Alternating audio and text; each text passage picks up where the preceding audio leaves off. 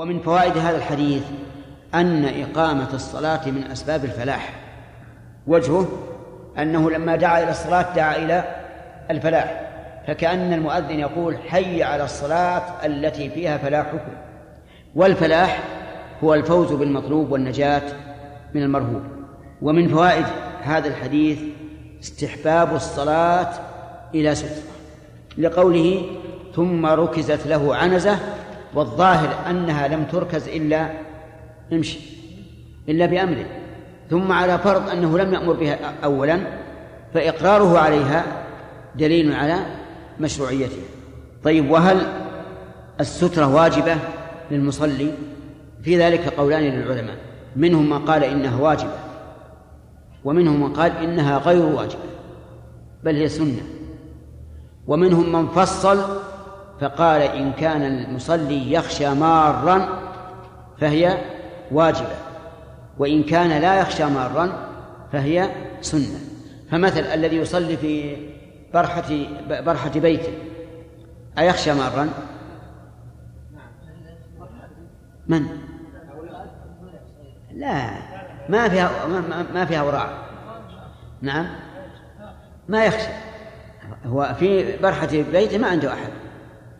فهذا لا يجب عليه أن يصلي إلى سترة بل يسلم. وأما إذا كان يخشى مارا فإنه يجب عليه أن يصلي إلى سترة لئلا يعرض صلاته لما ينقصها أو يبطلها. وهذا القول وهذا القول بالتفصيل قول قوي له وجه. إيش القول بالتفصيل؟ إن كان يخشى مارا وجب عليه. لما لأن ذلك حماية لصلاته عن النقصان أو البطلان. وإذا كان لا يخشى مارا فهو سنة. طيب. ومن فوائد هذا هذا الحديث أن المسافر يشرع له أن يصلي الظهر ركعتين من حين أن يخرج من بلده إلى أن يرجع إليه. دليله؟ نعم حتى رجع إلى المدينة. وهكذا قال أنس بن مالك رضي الله عنه. أن النبي صلى الله عليه وسلم أقام في مكة عشرة أيام يصلي ركعتين حتى رجع إلى المدينة. طيب. وعلى هذا فنقول إن المسافر يصلي ركعتين حتى يرجع إلى بلده. انتبه. ولا فرق بين طول السفر وقصر السفر لأنه لا دليل على الفرق. لم يقل النبي عليه الصلاة والسلام يوم من الأيام لأمته من أقام كذا وكذا فليقصر ومن أقام كذا وكذا فليتم. بل ظاهر سنته أنه لا فرق بين طول السفر وقصره لأنه أقام في مكة عشرة أيام أربعة أيام قبل الخروج إلى المشاعر وستة أيام بعد الخروج إلى المشاعر وأقام في تبوك عشرين يوما. وأقام في مكة تسعة عشر يوما. ولم يقل للناس من زاد على هذه المدة فعليه الإتمام. بل إن كون الرسول صلى الله عليه وسلم يقدم يوم حجة الوداع في اليوم الرابع ويصلي ركعتين إلى أن رجع المدينة وهو يعلم أن من الحجاج من يقدم متى؟ قبل اليوم الرابع قطعا. من الحجاج من يقدم قبل الخامس الرابع الثالث الثاني الأول. ولم يقل أيها الناس من قدم قبل اليوم الرابع فليتم مع أن الحاجة داعية إلى الإبلاغ والإبلاغ في هذه الحال واجب عليه لو كان الأمر محددا. فلما لم يفعل علم أنه لا داعي للتقييد بأربعة أيام. وهذا دليل واضح. وعليه فيكون استدلال من استدل بفعل الرسول عليه الصلاة والسلام في في عام حجة الوداع يكون استدلاله دليلا عليه. لأن نقول الرسول قدم في اليوم الرابع اتفاقا لا قصدا ثم هو يعلم أن من الناس من يقدم في اليوم الثالث والثاني والأول وفي ذي القعدة ولم يقل للناس من قدم قبل اليوم الرابع فليصلي أربعا.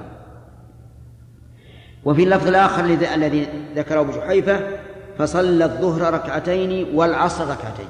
فيه دليل على جواز جمع المسافر المقيم وأن وأن الجمع للمسافر ليس خاصا بما إذا جد به السيف. انتبهوا وجه ذلك أن النبي صلى الله عليه وسلم جمع بين الظهر والعصر وهو مقيم في الأبطح لم يخرج بعد. فإن قال قال قائل أليس النبي صلى الله عليه وسلم أقام في منى يوم الثامن ويوم العيد وما بعده وكان يقصر ولا يجمع؟ قلنا بلى. لكننا لا نقول إن الجمع للمقيم سنة بل نقول إن الجمع للمقيم جائز وتركه أفضل. وأما من جد به السير فالجمع في حقه أفضل وتركه جائز. تباركم يا جماعة. وعلى هذا فالأحاديث التي تقيد الجمع بما إذا جد به السير يراد بها الجمع المسنون. وأما الجمع الجائز فهو جائز للمسافر سواء كان سائرا قد جد به السير أو نازلا. وهذا القول هو الراجح. هذا القول هو الراجح. إذن الجمع دائر بين الجواز وإيش؟ والاستحباب. فإن كان نازلا فإن كان المسافر نازلا فالجمع فترك الجمع أفضل مع جوازه وإن كان سائرا فالجمع أفضل مع جواز تركه. طيب ومن فوائد هذا الحديث أن المسافر إذا وصل إلى بلده وجب عليه الإتمام لقوله حتى رجع إلى المدينة. وعلى ذلك لو أنه لو أن المسافر دخل عليه الوقت في السفر ثم وصل بلده قبل أن يصلي. فهل يصلي صلاة المسافر أو صلاة المقيم؟ يا أخوان دخل عليه الوقت وهو في السفر ولم يصلي حتى وصل إلى بلده. فهل يصلي صلاة مقيم أو صلاة مسافر مقيم لأنه قال حتى رجع إلى المدينة. فالآن هذا الرجل وصل إلى بلده لا لا, لا يصلي قصرا يصلي أربعا. طيب ولو كان الأمر بالعكس دخل عليه الوقت وهو في بلده ثم ارتحل قبل أن يصلي وصلى في السفر فماذا يصلي؟ يصلي صلاة مسافر يصلي صلاة مسافر لأنه إذا كان العبرة بفعل الصلاة فنقول إن صليت في بلدك فأنت مقيم صلي صلاة المقيم وإن صليت في السفر فصلي صلاة المسافر ولا فرق بين أن يدخل عليك الوقت أم لا أم لم يدخل. طيب الآن حي على الصلاة حي على الفلاح ذكرنا أن بمعنى أقبل إذا كان الإنسان يؤذن في سفر لقوم حاضرين عنده في المصلى هل يقول حي على الصلاة؟ نعم. نعم يقول حي على الصلاة. فإذا قال قائل كيف يقول حي وقد حضروا؟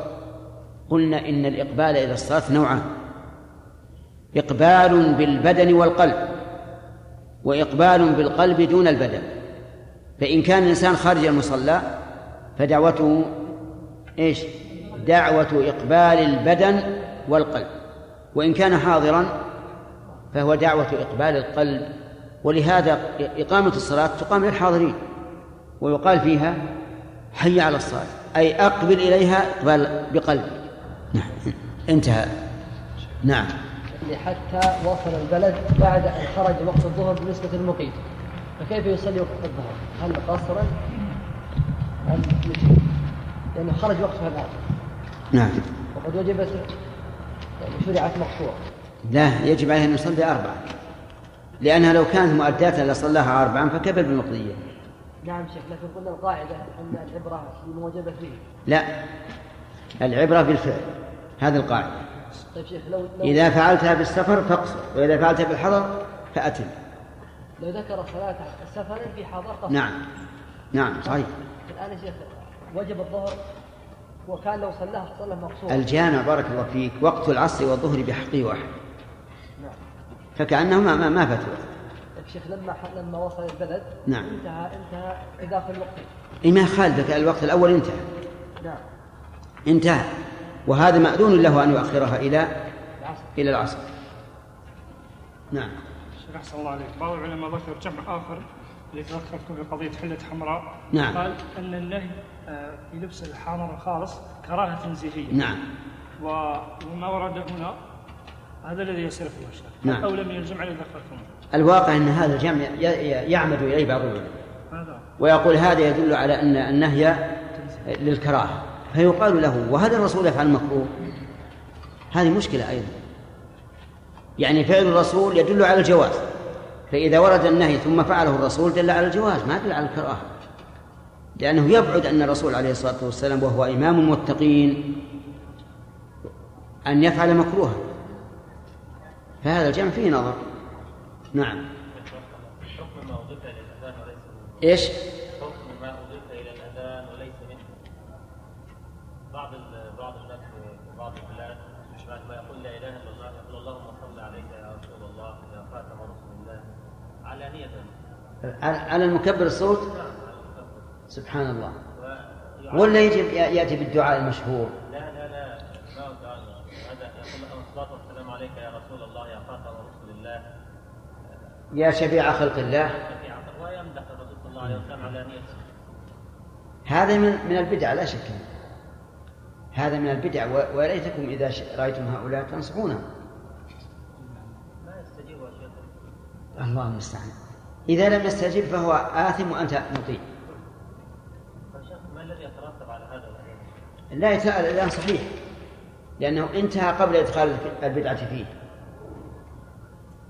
ويترتب عليها أن سمعت هل سمعت النداء؟ قال نعم قال أجب. لكن ينبغي أن ينهى المؤذنون عن ذلك. أو يكتب نصيحة للمسؤول عن المساجد ويقال يا أخي اتق الله. تسمع الناس يخالفون السنة ويأتون بالبدعة وتسكت؟ ينهاهم المسؤول يا شيخ. نعم. المسؤول ينهاهم ولذلك في لافتة على ينهاهم عن إضافة شيء؟ أي نعم. لكن كل مسجد والله شف لو أنه صادق وعزل واحدا عن الأذان أن يقولوا ماذا تريد أن نحذف من الأذان؟ نعم. هذا معروف. لكنهم لا يصدقون. في لافتة في المسجد يقول لك الأذان الشرعي من الله أكبر إلى لا إله إلا الله. ما أدري هذا. صحيح كلام. حجاجه ويمكن منطقته على هذا. يمكن عندهم شيء إيه يمكن عندهم منطقته. صحيح. هي في الصعيد ولا في القاهرة؟ الصعيد. ها الصعيد لا. الصعيد أقرب إلى إلى السلامه من البدع من القاهرة. لكن في المدن الكبيرة سمعت ما ما قال الأخ. إنه ينادى أيضا بهذا. بعضهم يقول الله أكبر كبيرا والحمد لله كثيرا. نعم. بعضهم يقول أشهد أن سيدنا محمد رسول الله. ما شاء الله. قال لو كان سيدك تماما ما تجاوزت ش- شريعته. عجيب من هؤلاء. يسيدون الرسول صلى الله عليه وسلم ويخالفونه والسيد يجب أن يكون مطاعا. نعم. الوقت انتهى يا شيخ. انتهى الخمس؟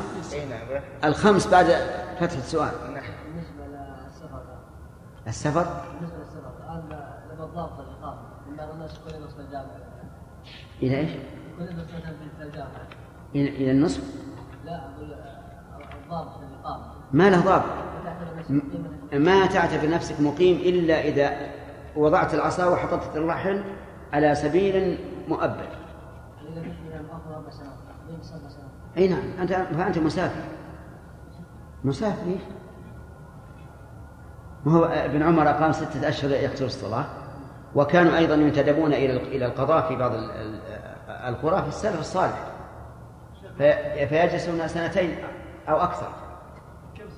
وهم يقصرون الصيام غيره ف- فأنت مسافر. أنت مسافر. هذا ما وكتبنا في هذا رسالة مطولة. وذكرنا الأدلة في ذلك. لأن لأن أي حد تحد تحد للإقامة أي حد. سيقال لك ما الدليل؟ ثم يقال ألستم تقولون لو أن الإنسان أقام لحاجة ينتظرها فإنه مسافر ولو بقي سنين هم يقولون بهذا. بس الفرق أن الحاجة قد تكون معروفة متى تنتهي وقد لا تكون. هم يقولون إن عرفت متى تنتهي الحاجة انقطع السفر وإن لم تعرف لم ينقطع. سبحان الله. ما هو دليل هذا؟ من قال بهذا التقرير؟ أي فرق بين إنسان يقول أنا جالس منتدب شهرين؟ جالس يقين. وإنسان يقول أنا منتدب لحاجة ما أدري تنقضي اليوم ولا بعد شهرين. كلهم على سفر ما ما أراد البقاء. ولذلك تجد ال- الذي أقام لحاجة لمدة شهرين مثلا يقول لو انقضت الحاجة اليوم لسافرت ورجعت إلى بلدي. لم يكن شيء نتكلم عليه أو نناقشه فيما سبق. خرج النبي صلى الله عليه وسلم وعليه حلة حمراء كيف نجمع بين هذا وبين النهي عن اللباس الأحمر؟ يلا نتجاري يعني أنها من النوع الأحمر لكن فيها شيء آخر لون آخر سوى الأحمر. طيب بارك الله فيك. قوله يمينا وشمالا في حي على الصلاة حي على الفلاح يا عبيد الله. هل معناه كل جملة عن عن اليمين والشمال أو الجملتان عن اليمين والشمال؟ قلنا فيها للعلماء قولان. الأول أن يقال أن يقول حي على الصلاة على اليمين حي على الصلاة على اليسار. حي على الفلاح على اليمين حي على الفلاح على اليسار. هذا قول الثاني أن حي على الصلاة بجملتيها على اليمين وحي على الفلاح بجملتيها على اليمين وهذا الذي عليه عمل عمل الناس. طيب. قول ثم لم يزل يصلي ركعتين حتى رجع إلى المدينة. ماذا يستفاد منه؟ ها؟ إلى قصر المسافر إلى أن إلى أن يرجع إلى بلده. طيب هل يدل على أو يوحي بأنه ما زال مسافرا فإنه يقصر طالت المدة أم قصرت؟ يوحي بذلك. لم يزل حتى رجع. طيب نبدأ الدرس الجديد. قال وعن عبد الله بن عمر رضي الله عنهما نبدأ الدرس الجديد. قال وعن عبد الله بن عمر رضي الله عنهما إيش؟ نعم. شروط المؤذن؟ اي نعم. آه، شروط الأذان الأول أن يكون بصوت يسمع من ينادى له يسمع من ينادى له. هذا أدنى شيء. فمثلا إذا كنا جماعة في سفر فلا بد من رفع الصوت على وجه يسمعه كل الجماعة. و... وإذا كانوا قريبين فلا حاجة إلى إلى رفع الصوت آه، المتناهي. ومعنى لا حاجة يعني لا ضرورة. ولكن كلما رفع صوته فهو أفضل لأنه لا يسمعه شيء إلا شهد له يوم القيامة. ومن شروطه أن يكون بعد دخول الوقت. بحديث مالك بن حويرث إذا حضرت الصلاة فليؤذن لكم أحدكم. وعلى هذا فيكون الأذان الذي يؤذن في آخر الليل ليس أذانا لصلاة الفجر لأنه يكون قبل الوقت. ومن شروط الأذان أن يكون تام الجمل وهو في الأذان خمس عشرة جملة وفي الإقامة إحدى عشرة جملة وفيه خلاف بين العلماء في هذه المسألة. ومن شروطه أيضا أن يكون من واحد. فلو أذن شخص أول الأذان وأكمله آخر فإنه لا يجزي. لا بد أن يكون من واحد. ومن شروطه أن يكون من ذكر لأن الأنثى ليست ممن يشرع لها ممن يشرع لها رفع رفع الصوت. ومن شروطه أن يكون عالما بالوقت إما بنفسه أو بغيره. فإن كان جاهلا ولا يسأل فإنه لا يصح أذانه لأن لا نعلم هل يؤذن في الوقت أو لا. ومن شروطها أن يكون مرتبا يبدأ بالتكبير ثم بالشهادتين ثم بالحيعلتين فلو أنه قدم وأخر لم لم يصح. هذا ما تيسر من شروطه. وعن عبد الله بن عمر درس اليوم وعن عبد الله بن عمر رضي الله عنهما عن رسول الله صلى الله عليه وسلم أنه قال إن بلالا يؤذن بليل فكلوا واشربوا حتى يؤذن ابن أم مكتوم. هذا قاله النبي صلى الله عليه وسلم في رمضان. وكان قد اتخذ في رمضان مؤذنين أولهما بلال والثاني ابن أم مكتوم. فكان بلال رضي الله عنه يؤذن في آخر الليل ليرجع القائم ويوقظ النائم. هكذا قال النبي صلى الله عليه وسلم إن بلالا يؤذن بليل ليوقظ نائمكم ويرجع قائمكم. يوقظ النائم ليتسحر. يرجع قائم يعني يمنعه من قيامه حتى يتفرغ للسحور. قال إن بلالا يؤذن بليل أي قبل النهار. وهذا يتناول ما إذا كان قبل الفجر بدقائق. فإنه يقال أذن بليل. فكلوا واشربوا حتى يؤذن. الأمر هنا فيما, فيما يظهر للإباحة. الأمر للإباحة وإن كان أصل أصل التسحر مأمورا به لكن هنا للإباحة لأنهم آه، كانوا يتوقفون عند أذان بلال ظنا منهم أن الواجب الإمساك عن الأكل والشرب عند أذان بلال. فأبيح لهم الأكل والشرب. إذن كلوا واشربوا نقول الأمر هنا للإباحة حتى يؤذن ابن أم مكتوم حتى للغاية وليست للتعليل. واعلموا أن حتى تأتي للغاية وتأتي للتعليل. فقول الله تبارك وتعالى عن المنافقين لا تنفقوا على من عند رسول الله حتى ينفضوا حتى هنا للتعليل قطعا يعني لأجل أن ينفضوا. وليست للغاية لأنها لو لو لو جعلت للغاية لفسد المعنى. إذ يكون المعنى لا تنفقوا حتى ينفضوا فإذا انفضوا فأنفقوا. وليس الأمر كذلك بل المراد نعم وليس المعنى كذلك بل المعنى لا تنفقوا على من عند رسول الله حتى ينفضوا عنه لطلب الرزق. ومثل هذه الآية آه، مثل هذا الحديث كلوا واشربوا حتى يؤذن ابن أم مكتوم. هذه إيش؟ للغاية. يعني نعم. لأنه لا يصح أن نجعلها للتعليل وأن نقول إن المعنى كلوا واشربوا ليؤذن ابن أم مكتوم بل المعنى كلوا واشربوا إلى ومثلها أيضا آه، سلام هي حتى مطلع الفجر. طيب. حتى يؤذن ابن أم مكتوم وابن أم مكتوم كان رجلا أعمى وكان لا يؤذن إلا إذا قيل له أصبحت أصبحت. يعني طلع الفجر وقال النبي عليه الصلاة والسلام في لفظ آخر لم يذكره المؤلف فإنه لا يؤذن حتى يطلع الفجر. في هذا الحديث فوائد منها جواز اتخاذ مؤذنين وهما إذا كان في وقتين لا إشكال فيه. يعني إذا كان أحدهما يؤذن قبل الفجر والثاني بعد الفجر لا إشكال في جوازه. لكن هل يجوز أن يتخذ مؤذنان في آن واحد في مكان واحد؟ نقول إذا كان هناك مصلحة أو دعت الحاجة إلى ذلك فلا بأس. مثل ما كان مؤذن الحرمين في السابق المؤذنون خمسة أو ستة كل واحد في ناحية هذا قبل أن توجد مكبرات الصوت. فكانوا يؤذنون. فاتخاذ المؤذنين عند الحاجة في آن واحد لا بأس به.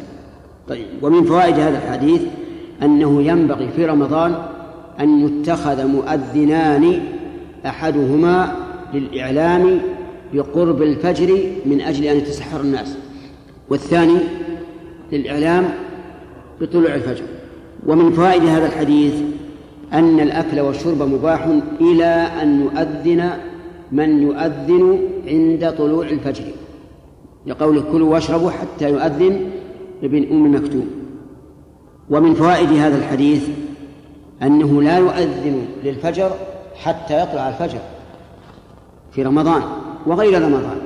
لكننا نقول في رمضان لأن بعض المتنطعين يقول إنه في رمضان ينبغي أن يؤذن للفجر قبيل طلوع الفجر. وعللوا ذلك القول العليل عللوه بأنه من أجل الاحتياط للصوم. ونسل هؤلاء أن الاحتياط للصلاة أولى. لأنه إذا أذن قبيل الفجر فإن كثيرا من الناس سوف سوف يصلي الفجر لا سيما النساء في بيوتهن والمرضى في البيوت وما أشبه ذلك. فنكون احتطنا ب... احتطنا فيما ليس له احتياط وتهاونا فيما يجب له الاحتياط. وذلك أن الأصل الأصل جواز الأكل والشرب إلى طلوع الفجر. لكن ليس الأصل أن أن نقدم صلاة الفجر على طلوع الفجر. وهذا من الأشياء التي استولى عليها الجهال في بعض في بعض البلدان. تجدهم يؤذنون للفجر في أيام الصوم قبيل الفجر لهذه العلة العليلة وهو حكم عليل مبني على علة عليلة. ليس لها أصل من الشرع. وإن وإذا تأملت الآية الكريمة وجدتها في غاية البيان في هذا الموضوع. قال الله تعالى كلوا واشربوا حتى يتبين لكم الخيط الأبيض من الخيط الأسود من الفجر. حتى لم لم يقل الله كلوا واشربوا حتى يطلع الفجر. قال حتى يتبين. فلو فرضنا أنه طلع الفجر في علم الله ولكننا لم نشاهده فلنا إيش؟ فلنا الأكل والشرب. ومن فوائد هذا الحديث أنه يجب العمل بقول المؤذن. يجب العمل بقول المؤذن لقوله كلوا واشربوا حتى يؤذن ابن أم مكتوم. فيعمل بقول المؤذن إذا كان ثقة. فإذا قال قائل ابن أم مكتوم رجل أعمى فأين الثقة بقوله أنه شاهد الفجر؟ قلنا لأن الناس يخبرونه بذلك. يقولون أصبحت أصبحت فيقوم ويؤذن. وحدثني رجل أنه كان في بلدهم مؤذن أعمى مؤذن أعمى يعرف طلوع الفجر برائحته نعم برائحته بدون أن يشاهده فإذا شم رائحته قام فأذن فإذا طالع الناس الفجر وجدوه قد طلع الفجر إيش العلة هذه؟ نعم أنت تعرف للفجر رائحة؟ نعم ما شميته؟ أي نعم. لكن سمعت بعض أو قرأت في بعض الكتب الطبية أنه يندفع مع طلوع الفجر غازات أو أو شيء يشبه الغازات. ولهذا حثوا على أن تفتح النوافذ عند طلوع الفجر. قالوا لأجل أن أن هذا الذي فيه يعني الغازات التي توجب الحياة تدخل المنازل كلها. الله على كل شيء قدير. لكن سبحان الله الذي أعطى هذا الرجل الأعمى هذه القوة. لكنه يمكن مع الممارسة وأنه إذا يعني قرب طلوع الفجر جلس ينتظر. وعن أبي سعيد الخدري رضي الله عنه قال قال رسول الله صلى الله عليه وسلم إذا سمعتم المؤذن فقولوا مثل ما يقول. إذا سمعتم شرط جملة شرطية. جواب الشرط قوله فقولوا. قرنت بالفاء لأنها طلبية وقد قيل فيما يجب اقترانه بالفاء إذا وقع جوابا للشرط قيل في ذلك بيت من الشعر يتلوه علينا النجاري لا تعرف. نعم.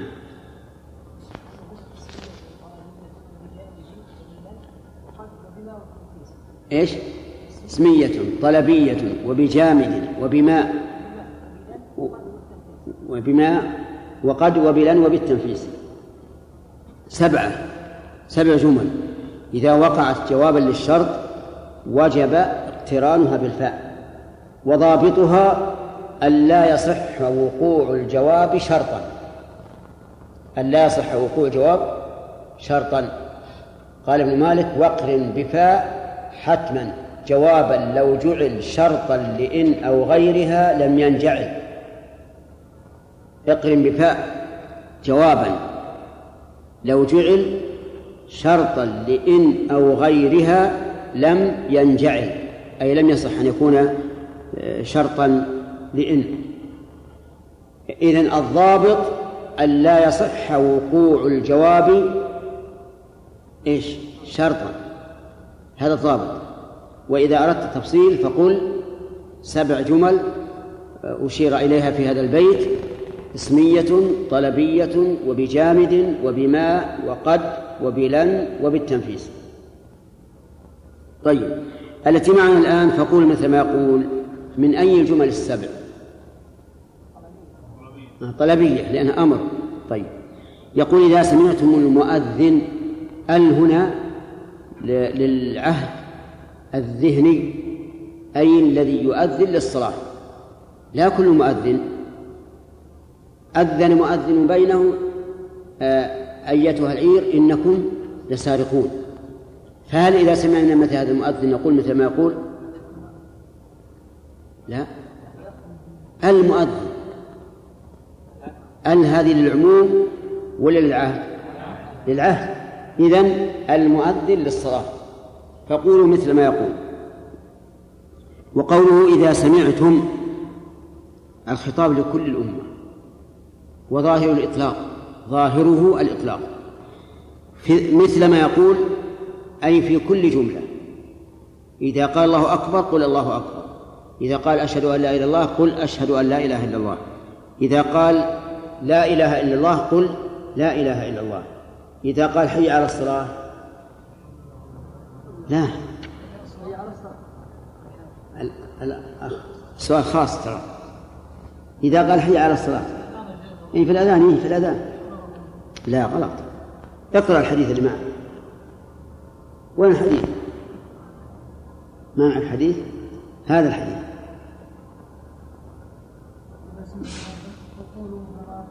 طيب إذا قال حي على الصلاة ماذا أقول؟ كيف تقول؟ تعصي الرسول عليه الصلاة والسلام. لكن هذا الحديث الآن اللي معك يقول إيش؟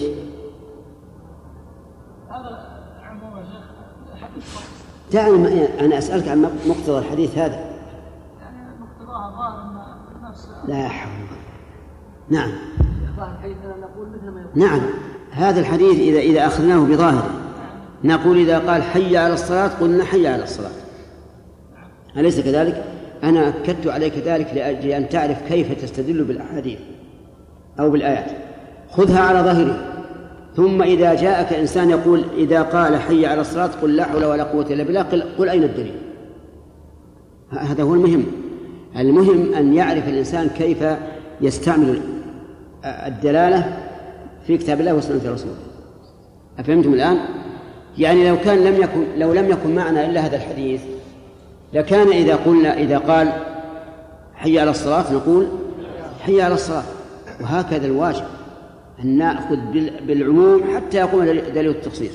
نقول مثل ما يقول ظاهر العموم لكن يستثنى من ذلك بالدليل السمعي والنظري. أنه إذا قال حي على الصلاة نقول غير هذه الجملة.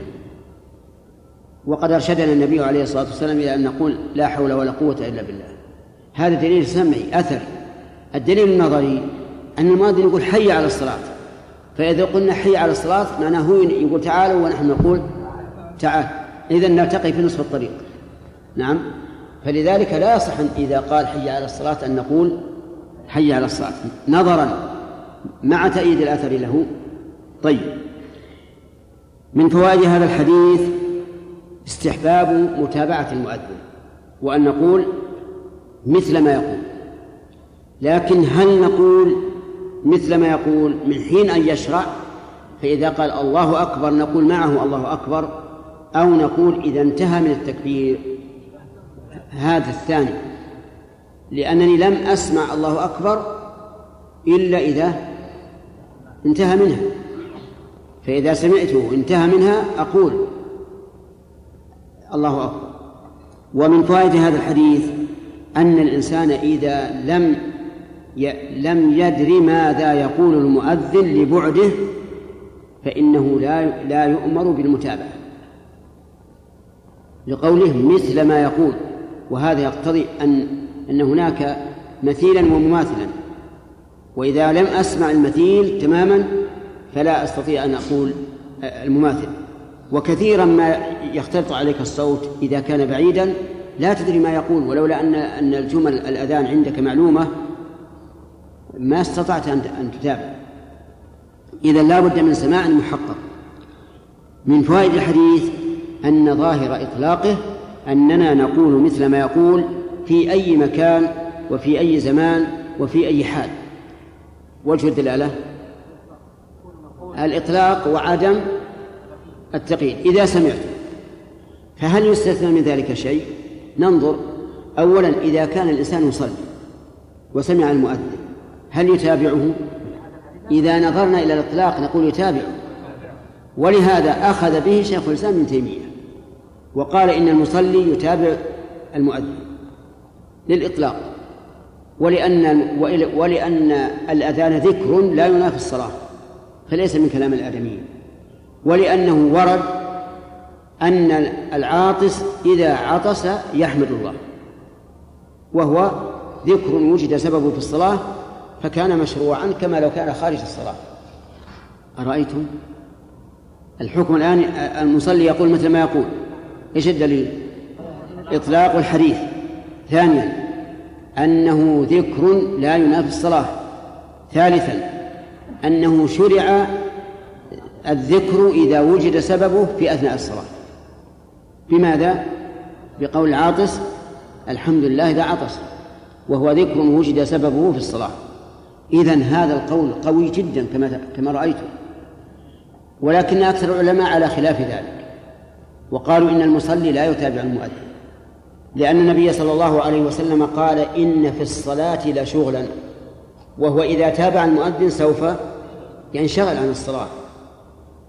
سوف ينشغل. أما حمد العاطس فهي كلمة واحدة لا لا لا توجب أن ينشغل عن صلاته بها.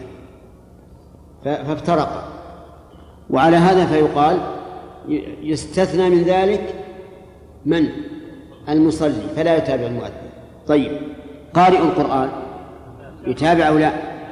يتابع.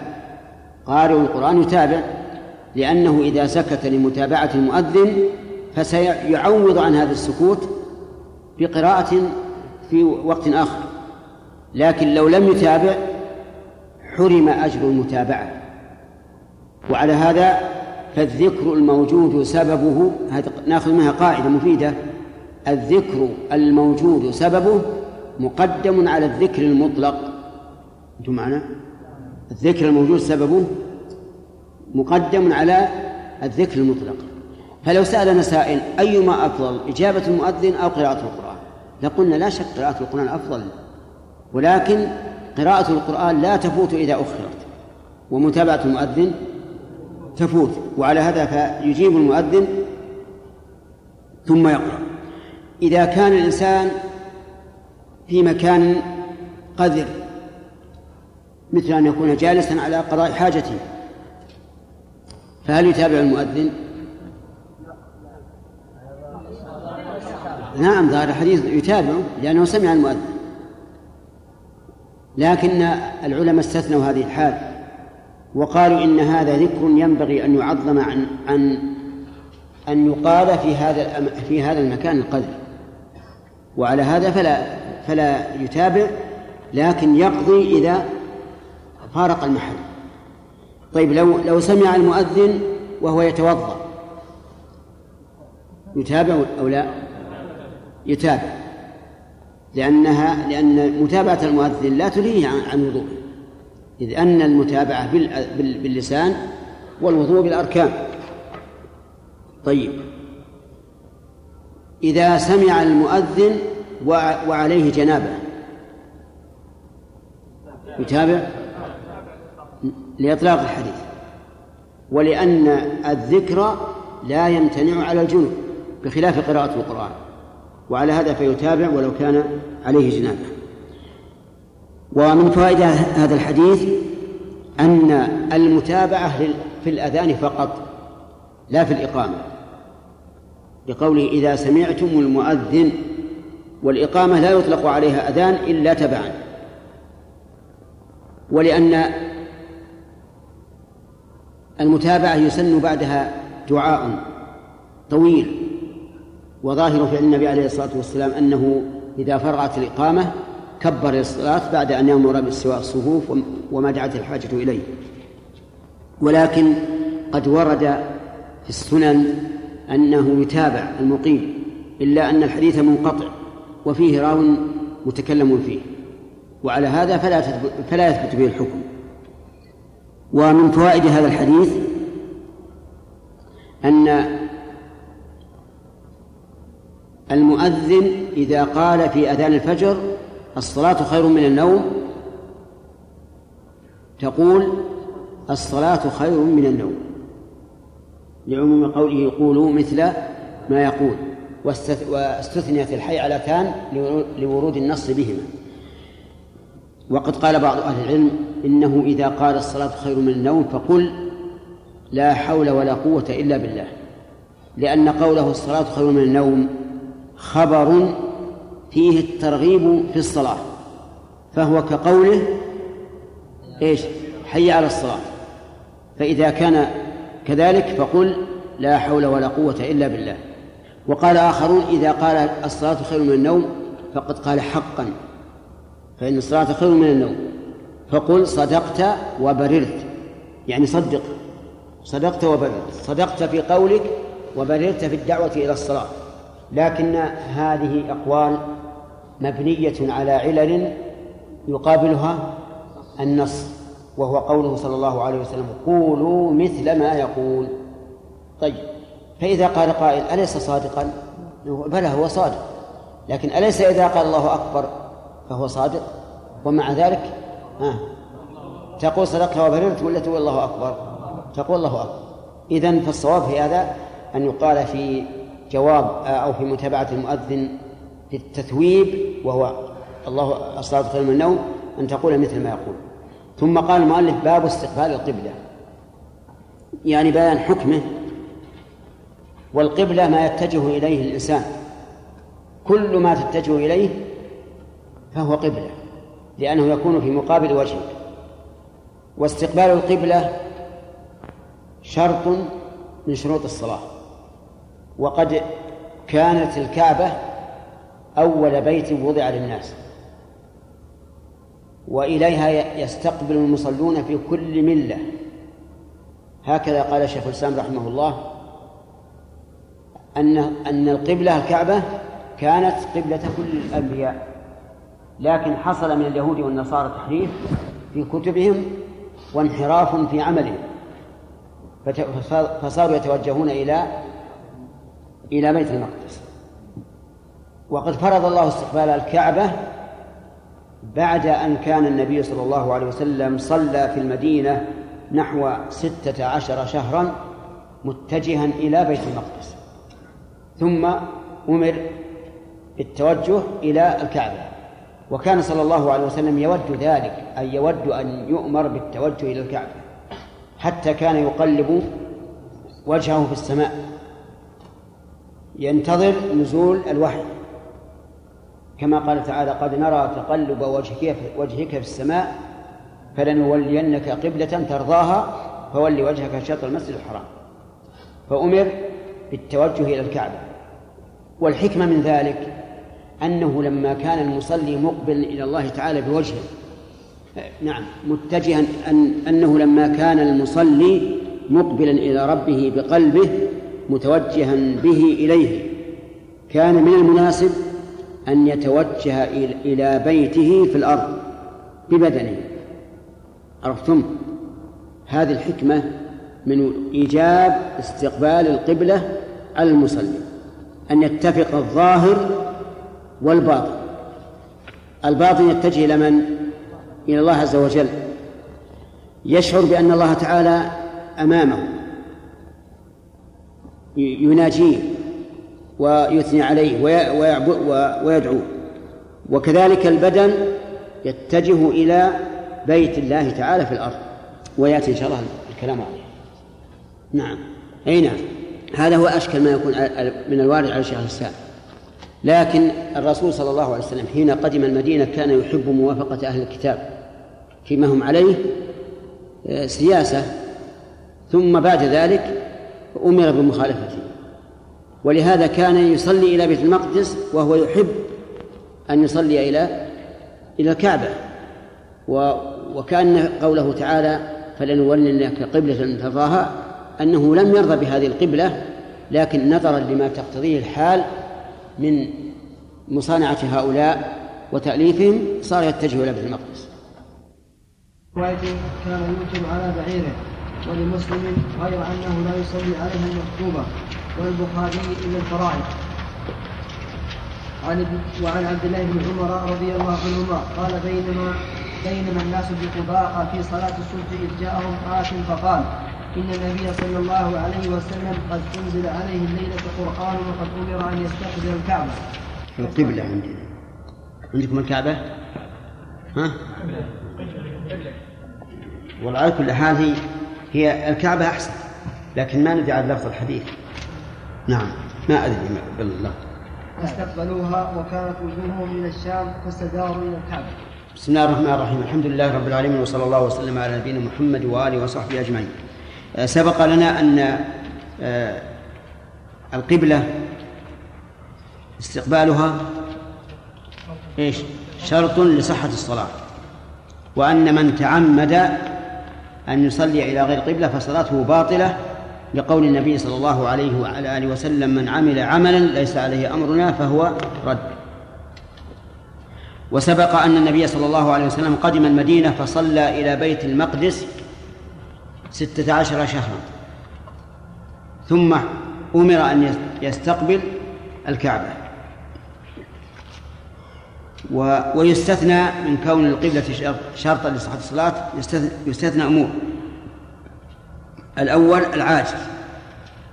العاجز عن استقبال القبلة لا يلزمه استقبالها لأن لدينا آية عظيمة قاعدة من قواعد الإسلام وهي قوله تعالى لا يكلف الله نفسا إلا وسعها فإذا قدر أن شخصا كان مصلوبا إلى غير القبلة فليصلي ولو إلى غير القبلة.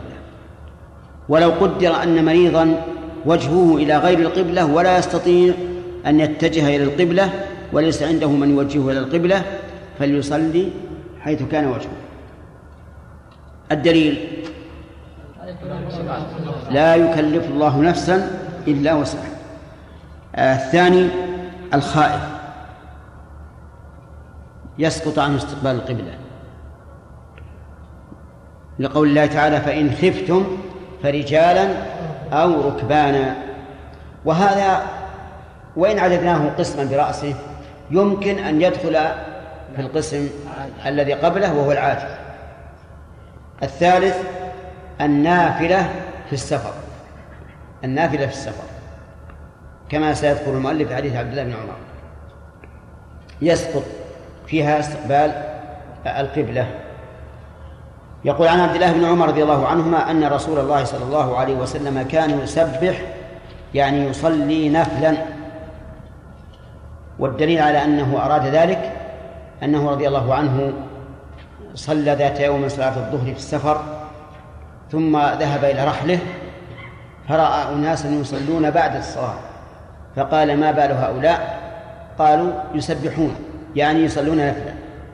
فقال لو كنت مسبحا لأتممت فقوله هنا يسبح على ظهر على ظهر راحلته يعني يصلي نافلة. على ظهر راحلته. الراحلة تطلق على كل ما يوضع عليه الرحل. من بعير وبغل وحمار وسيارة وفلك وغير ذلك. حيث كان وجهه حيث هذه ظرف. مكان ولا زمان؟ مكان. مكان. مكان. ظرف مكان. حيث ظرف مكان مبنية على الضم في محل نصب. وفيها لغات. يستعملها كثير من الكتاب اليوم في مقام التعليل. يقول فلان لم يأتي إلي حيث كان مريضا. فيستعملونها استعمال التعليل. وهذا وإن كان له وجه من هذه اللغة لكنه لم يرد استعماله في اللغة العربية. إنما ورد استعمالها على أنها ظرف مكان حيث كان وجهه أي وجه مسير يومئ برأسه. يومئ برأسه متى؟ عند الركوع وعند السجود. وكان ابن عمر يفعله. يفعل إيش؟ يعني يسبح على ظهر راحلته حيث كان وجهه ويومي ويومي برأسه. وإنما ذكر هذه الجملة إشارة إلى أن الحكم باق لم ينسخ. لأن ابن عمر كان يقول يعمل به ولو كان منسوخا لم يعمل به. وفي رواية كان يوتر على بعير. كان الفاعل من؟ الرسول صلى الله عليه وسلم. يوتر أي يصلي الوتر على بعير. والمسلم غير أنه لا يصلي عليه المكتوبة. وهذا وإن كان مفهوما من قبل من كلمة يسبح لكن هذا من باب التأكيد غير أنه لا يصلي عليها المكتوبة وللبخاري إلا الفرائض وهو أيضا معروف من قوله يسبح لكن هذا من باب التوكيد. ففي هذا الحديث فوائد منها آه، جواز صلاة النافلة على الراحلة. وهو واضح. ومنها طهارة الحمار. والبغل. كيف؟ على الراحلة لأن كلمة راحلة تشمل هذا وهذا. ولو كان نجسين ما صلى عليهما النبي صلى الله عليه وعلى آله وسلم. ومن فوائد هذا هذا الحديث آه، التسهيل على الأمة في النفل لئلا يعوقهم عائق عنه. وذلك حيث جاز لهم أن يسبحوا على الرواحل ولم يلزمهم أن ينزلوا ليصلوا على الأرض كما هو الشأن في الفرائض. الفرائض إذا حل وقتها لازم تنزل وتصلي على الأرض لكن النوافل وسع فيها ليكثر الناس منها. ومن ذلك أي من التسهيل فيها أنه يجوز فيها الشرب اليسير على ما ذهب إليه كثير من العلماء. لأن الإنسان ربما يطيل النفل ويحتاج إلى ماء فله أن يشرب الشيء اليسير ومن فوائد هذا الحديث أنه أنه لا تصلى النافلة على الراحلة إلا في السفر. لقوله على راحلته والراحلة التي وضع عليها الرحل وهذا لا يكون إلا عند السفر. وعلى هذا فلا يجوز للإنسان أن يصلي النافلة على راحلته إذا كان مقيما طيب فإن كان مسافرا ومر ببلد أله أن يصلي؟ أو لا؟ يعني مثلا افرض أنك ذهبت إلى مكة في في سيارتك وأتى عليك الوقت أو أنت مثلا تحب أن تتطوع وصرت تصلي على السيارة في مكة يجوز؟ يجوز. لأنك مسافر. لأنك مسافر. أما لو كان واحد من أهل مكة قلنا له لا يجوز.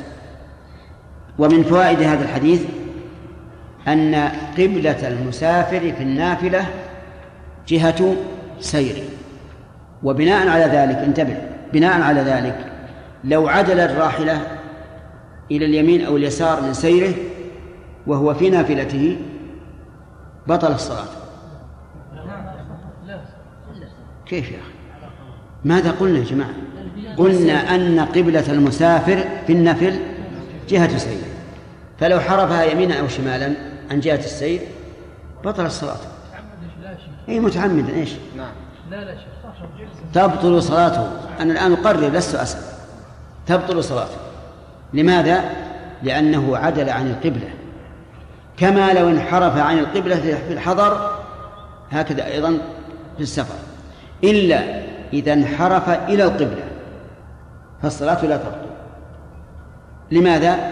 لأن القبلة هي الأصل. القبلة هي الأصل. فمثلا لو كان إنسان جهة سيره إلى آه، إلى جهة يكون فيها مستدبر الكعبة. انتبه. فحرفها إلى جهة تكون قبل القبلة عن الكعبة عن يساره. تبطل صلاته أو لا؟ تبطل صلاته إلى جهة تكون الكعبة عن يمينه. تبطل صلاته. استدار بسرعة حتى صارت القبلة أمامه. لا تبطل. لأن هذا هو الأصل. أفهمتم الآن؟ طيب. إذا نستفيد من هذا أن قبلة المسافر المتنفل إيش؟ جهة سيده. من فوائد الحديث أنه لا يلزمه أن يستقبل القبلة عند افتتاح الصلاة. لإطلاق الحديث. يسبح حيث كان وجهه وعلى هذا فلا يلزمه أن يدير الراحلة فيكبر ثم ينصرف جهة سيره. وهذا هو الصحيح. وقال بعض أهل العلم لا بد أن يكبر للإحرام إلى جهة القبلة ثم ينحرف إلى جهة السير. والصحيح أنه ليس بشرط لكنه أكمل لأنه ورد في حديث حديث بذلك ولكنه ليس بشرط. له أن يكبر إلى جهة سيره ويكمل الصلاة على ذلك. ومن فوائد الحديث أنه لا يلزمه الركوع ولا السجود وإنما يومئ بهما. وهذا ظاهر فيما كانت عليه الرواحل على عهد النبي صلى الله عليه وعلى آله وسلم لأن الرواحل على عهد الرسول لا يمكن أن تسجد عليه أن تسجد عليه ولا أن تركع أليس كذلك؟ طيب. لكن الآن والرواحل واسعة متسعة يمكن أن يركع الإنسان ويسجد كما لو كان في طائرة ليس فيها ركاب إلا قليلون. يمكنه أن يقوم في أي مكان ويركب ويسجد. فهل نقول يلزمه الركوع والسجود؟ أو نقول إن الرخصة عامة؟ الجواب نقول يلزمه الركوع والسجود. لأن الرخصة هنا ليست بالقول حتى نقول إنها عامة. والفعل كما قال الأصوليون ليس له عموم. فيكون الإيماء عند العجز عن تحقيق الركوع والسجود. أما إذا قدر على تحقيق الركوع والسجود فإنه لا بد أن يركع ويسجد لقوله تعالى يا أيها الذين آمنوا اركعوا واسجدوا. طيب آه، ظاهر الحديث يومي برأسه أنه لا فرق بين الركوع والسجود. لكن قد وردت أدلة تدل على أن السجود يكون أخفض كما هو المتبع. نعم كما هو المتبع في حال الركوع والسجود أن السجود يكون أخفض. من فوائد الحديث تطبيق ابن نعم الثناء على عبد الله بن عمر بتطبيقه السنة لقوله وكان ابن عمر يفعله. ومن فوائده ذكر ما يثبت به الحكم لقوله وكان ابن عمر يفعله فإن من فائدة ذلك أن الحكم باق لم ينسخ ولهذا عمل به الصحابة رضي الله عنهم. ومن فوائد هذا الحديث الفرق بين النفل والفرض لقوله إلا الفرائض. والفرائض كم؟ ست. ست؟ أنا أقول ست. فرائض الإيمان. الجمعة. أو الجمعة بدل الظهر. لا. بدل الظهر. نعم. بدل- الجمعة بدل الظهر. ثم الجمعة في الغالب لا تكون للمسافر طيب. ومن فوائد هذا الحديث أن الوتر ليس بواجب. لقوله يوتر على بعيره وقوله غير أنه لا يصلي عليها المكتوبة. ولو كان الوتر من المكتوبات ما ما صلى الرسول صلى الله عليه وسلم على الراحلة.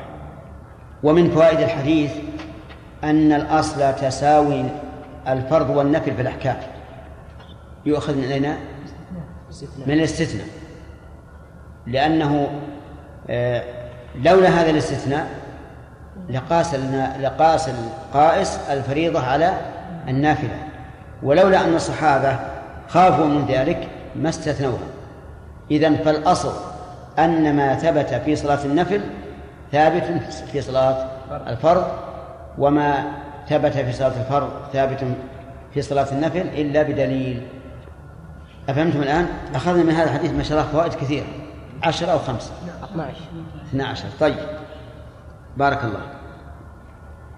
ذكرنا سابقا مع الطلبة أن الفروق بين صلاة النافلة والفريضة تربو على العشرين.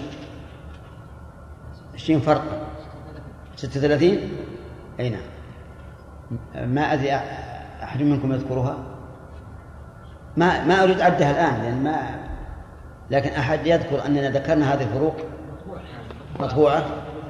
زين. أجل إذن يرجع إليها. اللي ما هي عنده يرجع إليها. نعم. إيه، تصور ما في مانع. شيء جزاه الله خير مستعد. ثم قال وعن ابن عمر رضي الله عنهما قال بينما الناس بقباء في صلاة الصبح إذ جاءهم آت فقال إن النبي صلى الله عليه وعلى آله وسلم إلى آخره. بينما إذ جاءهم. بينما هذه ترد كثيرا ويكون ويأتي بعدها إذ. كما في هذا الحديث. بينما هم إذ جاءهم. إذ جاءهم آت. ومن ذلك قول الشاعر فبينما العسر إذ دارت مياسير فبينما العسر إذ دارت مياسير يعني معناها أن العسر يعقبه مياسير كثيرة. لقوله تعالى إن مع العسر فإن مع العسر يسرا إن مع العسر يسرا. ولهذا قال ابن عباس لن يغلب عسر يسرين. طيب إذ جاءهم آت آت نكرة. لم يبين من الآتي لكن لا شك أن الآتي مسلم. فقال النبي فقال إن النبي صلى الله عليه وسلم قد أنزل عليه الليلة قرآن. المراد بالليلة ما قبلها ما قبل الآن. لأن نزول الآية ليس في هذه الليلة بل, بل قبلها. وقول قرآن يعني من القرآن. وقد أمر أي النبي صلى الله عليه وسلم أن يستقبل القبلة فاستقبلوها. أمر النبي عليه الصلاة والسلام أن يستقبل القبلة والنسخة الأخرى أن يستقبل الكعبة. فإن كانت النسخة الأخرى هي الصواب فالأمر ظاهر. وإن كانت التي بأيدينا ففيه إشكال يزول بإذن الله. لأن قوله أن يستقبل القبلة يقال وما كانوا عليه من قبل إيش؟ قبلة. فلا يكون الحديث معنى. لكن الجواب على ذلك أن يقال أن يستقبل القبلة التي كانت قبلة في ثاني الحال. التي كانت قبلة في ثاني الحال. والمسألة تحتاج إلى مراجعة في الأصول البخاري ومسلم. نعم. وش يقول؟ طيب تراجع يا شيخ. زين. ها؟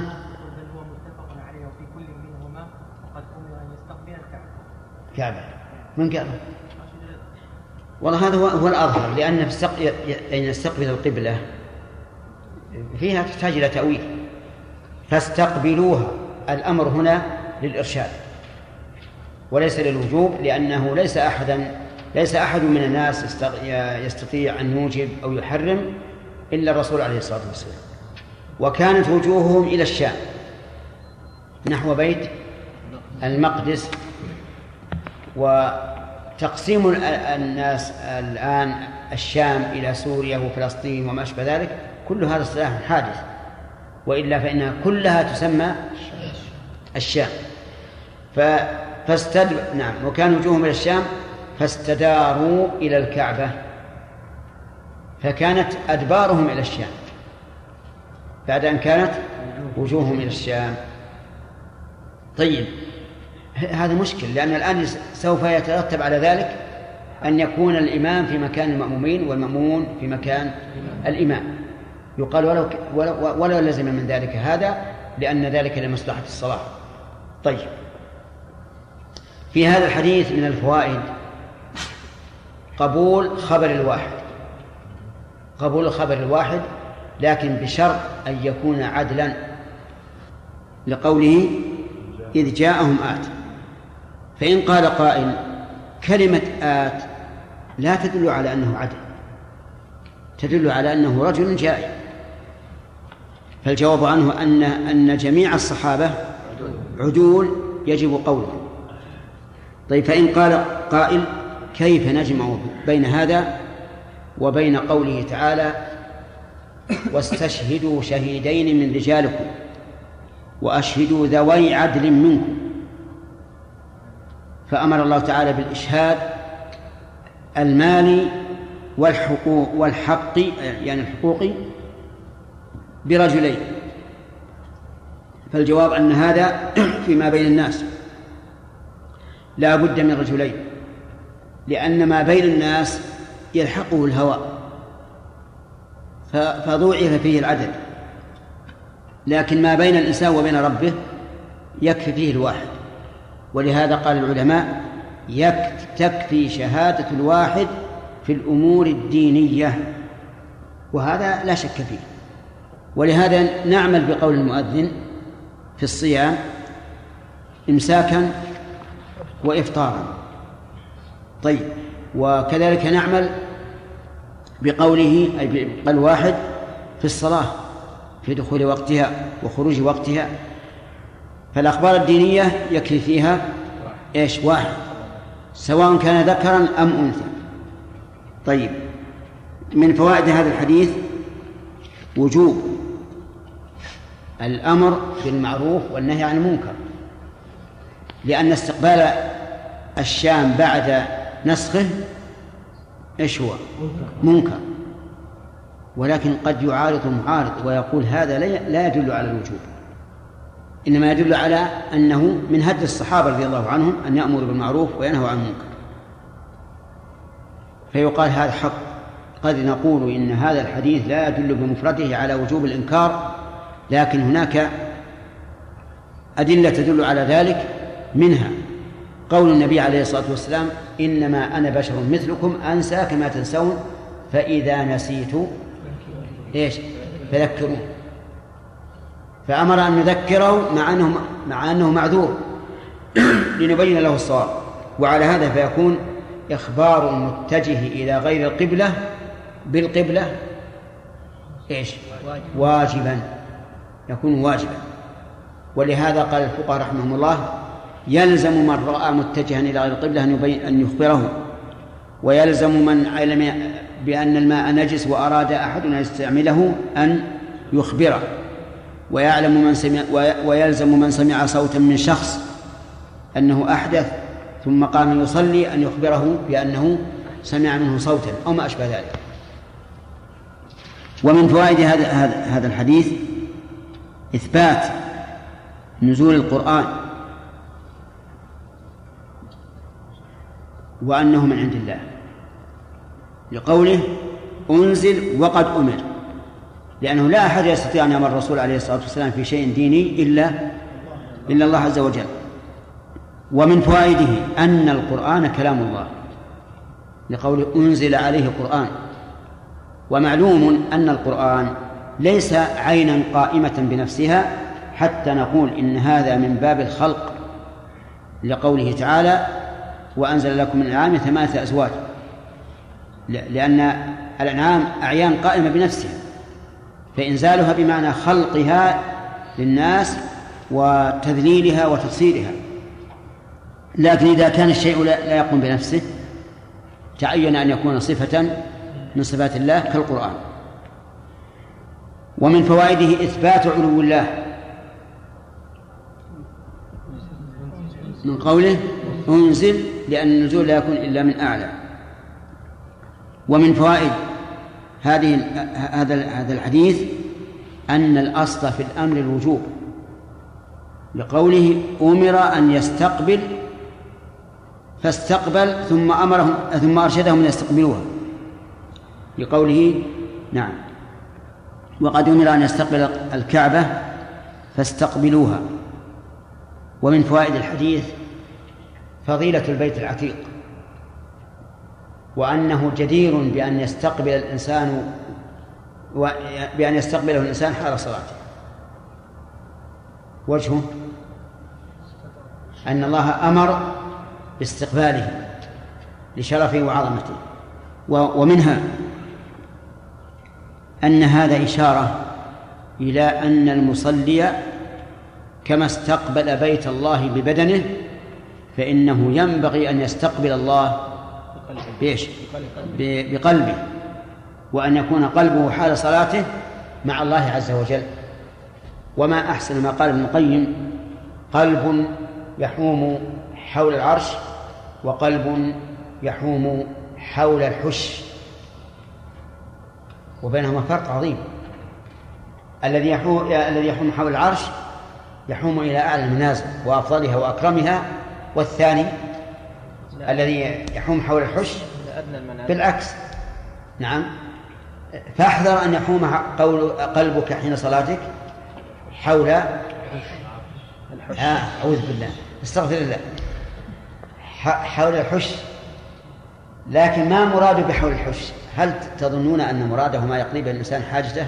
لا. لا أعم من ذلك. أمور الدنيا عامة. لأن جميع أمور الدنيا مآلها.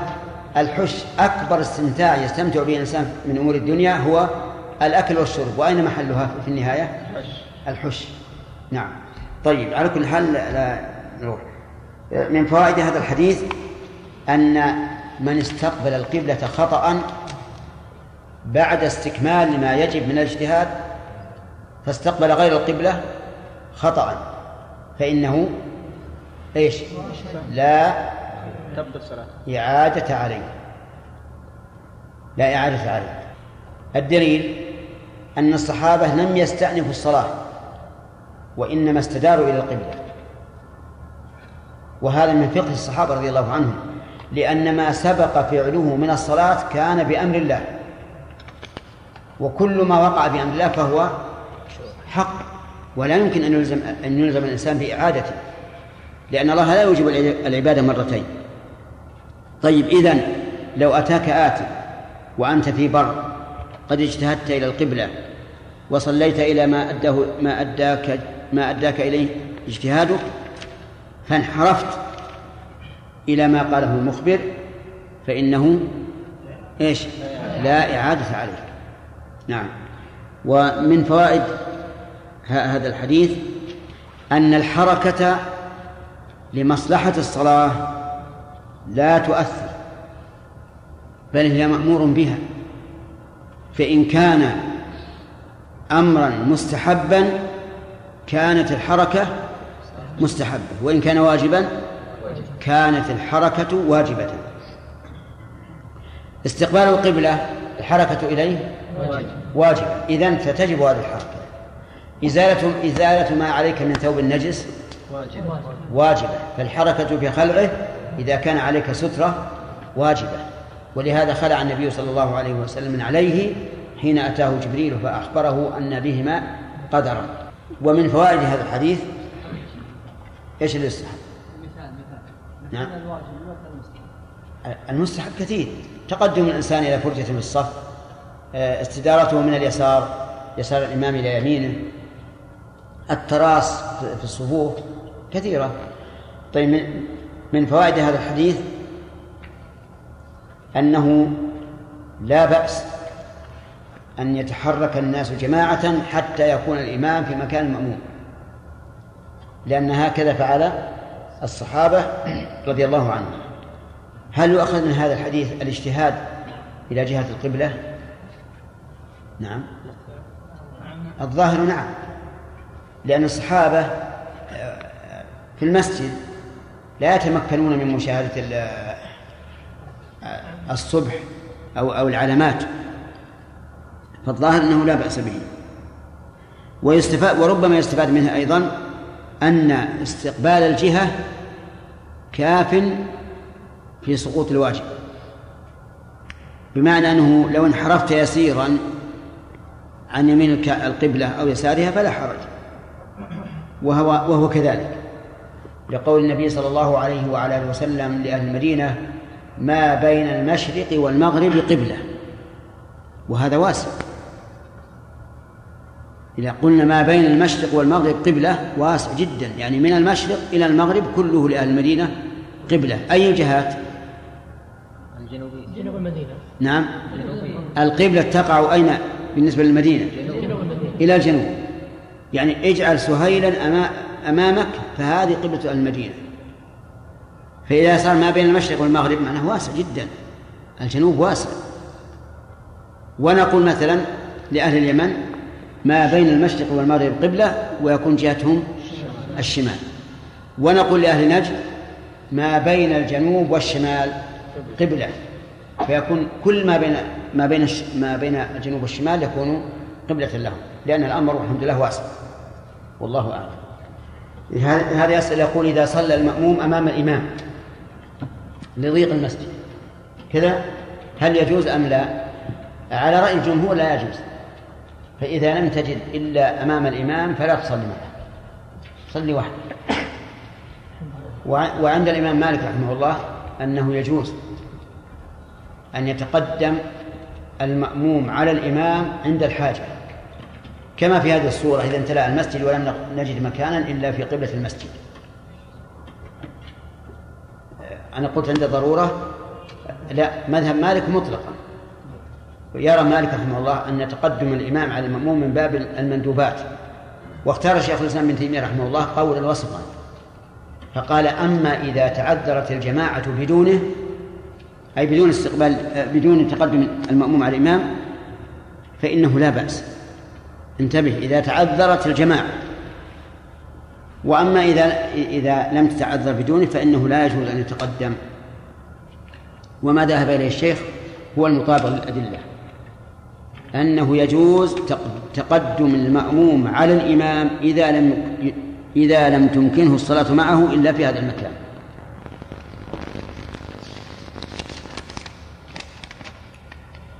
لا يحتج بإيش؟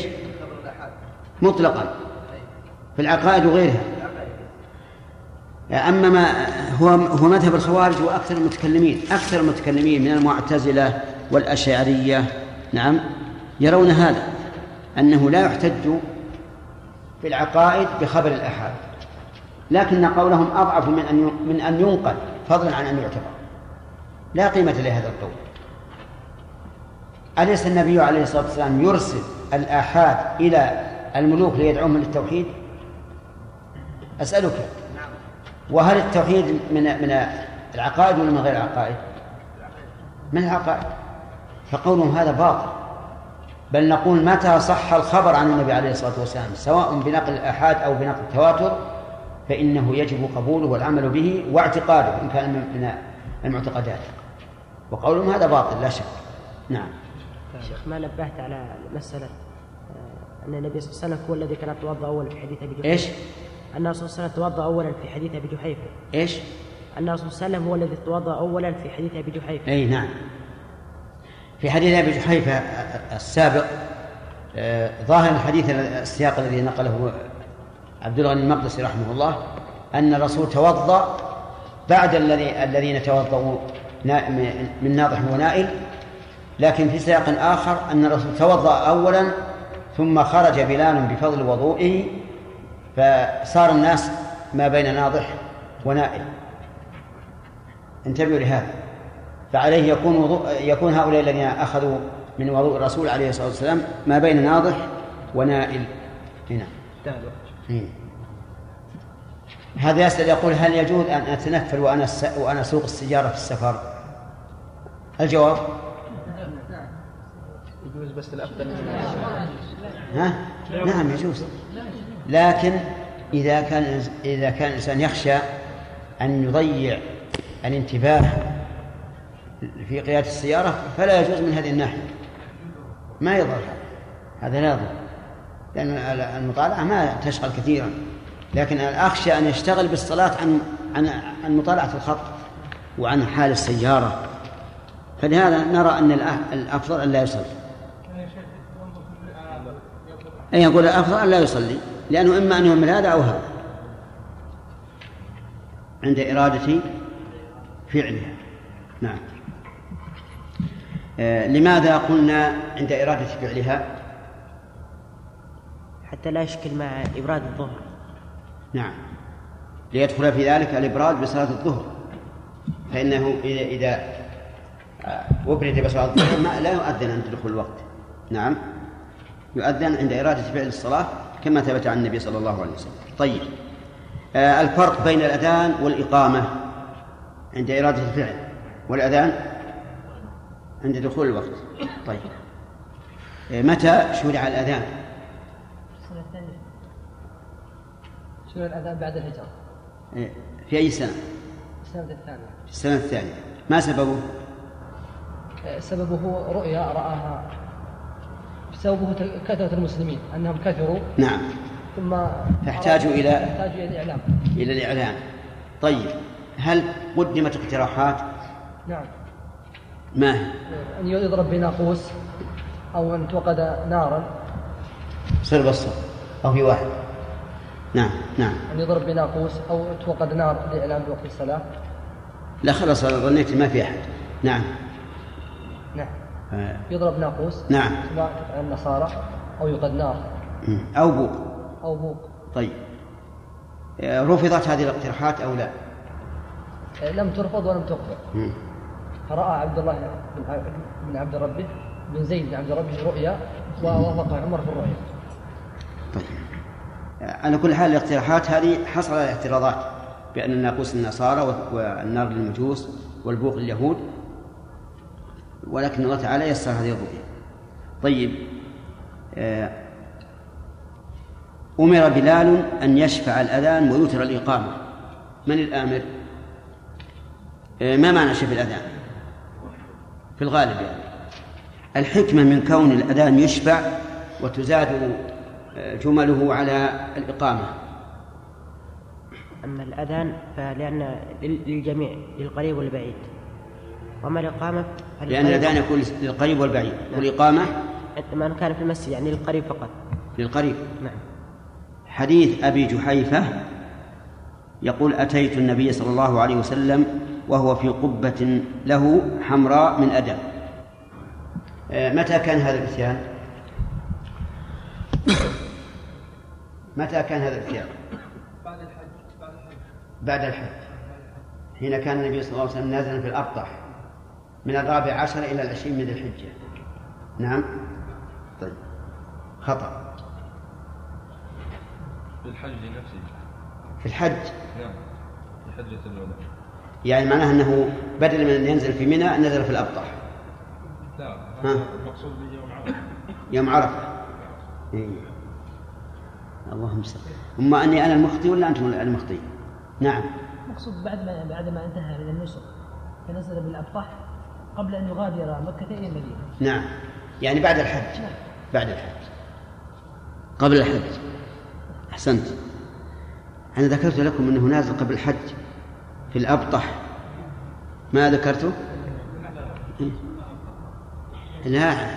قبل الحج لأنه نزل أربعة أيام. كان مطلق يا شيخ. نعم. هو في في الأبطح في حجة الوداع. بعد انتهائها. بعد إيش؟ بعد انتهائها ثم إيش؟ بعد؟ بعد انتهائها بعد حجة الوداع ثم طمستها. ظهر ما كان مطلقا. على كل حال هي هذا كان حين نزول النبي صلى الله عليه وسلم في الأبطح قبل أن يخرج إلى إلى منى. لأنه عندما طاف وسعى خرج بالناس إلى ظاهر مكة في الأبطح ونزل هناك. طيب آه، قوله فخرج بلال بوضوء. آه، ما هو الوضوء؟ شيخ هو الماء الذي يتوضأ به. ليس الفعل؟ نعم. الوضوء هو الماء الذي يتوضأ به والوضوء هو الفعل الذي فعل الوضوء. أحسنت. يعني الماء المعد للوضوء سواء توضأ به الإنسان أو لا يكون بالفتح والفعل الذي هو فعله يكون بالضم طيب هذا الوضوء آه، هل هو بعد أن توضأ به الرسول صلى الله عليه وسلم أو قبل أن يتوضأ به؟ بعد أن توضأ به. نعم. فمن ناضح ونائل معناها عبيد الله. من هو اللي أخذ من غيره؟ النائل. يعني أخذ قليلا طيب حتى أنه في رواية البخاري بعضهم جعل. إذا... لما لم يحصل على شيء جعل يتمسح بأعضاء أخيه التي أصابها الماء. مما يدل على أنهم قصدوا بذلك التبرك وأن هذا بعد أن توضأ به الرسول عليه الصلاة والسلام. وهذا السياق الذي ذكره المؤلف هو سياق مسلم. أما البخاري فهو أوضح من هذا أن أنه خرج بالماء بعد أن توضأ به الرسول. طيب ويمكن أن نؤول هذا هذا السياق؟ وهو قول كأن ينظر إلى بياض ساقيه قال فتوضأ وأذن بلال. أن نجعل توضأ يعني بلالا فيكون فتوضأ بلال وأذن بلال. حتى يوافق آه، الرواية الأخرى في في البخاري. طيب في الحديث حديث أبي جحيفة ما يدل على أن الساق ليس بعورة كان ينظر إلى بياض ساقيه طيب هل يدل على هل يدل هذا هذا التعبير على أن الرسول صلى الله عليه وسلم شمر عن ساقيه يعني رفع إزاره أو على أن إزاره قصير؟ نعم. هو لو نظرنا إلى السياق هذا أيضا لقلنا إنه يدل على أن إزاره قصير. لكن في البخاري يقول شمر عن ساقيه وهذا يعني أنه رفع الإزار. رفع الإزار عن ساقيه فيستفاد منه أن تشمير أن تشمير الثوب لا بأس به. حتى وإن لم يكن قصيرا فلا بأس أن يشمر الإنسان, الإنسان ثوبه حتى يبدو ساقه حي على الصلاة حي على الفلاح يقول إنه يقول يمينا وشمالا. كيفية ذلك؟ أيوب كيفية ذلك؟ يعني حي على الصلاة يلتفت مرتين أيهما أقرب إلى المعنى وإلى لفظ الحديث؟ أقرب إلى المعنى. نعم. آه، الأقرب إلى المعنى أن يكون حي على الصلاة على اليمين وحي على الصلاة على الشمال لأجل أن يبلغها من على يمينه ومن على شماله. لكن ظاهر الحديث كما قيل إن يمينا لحي على الصلاة وشمالا لحي على الفلاح. آه، هل في الحديث ما يدل على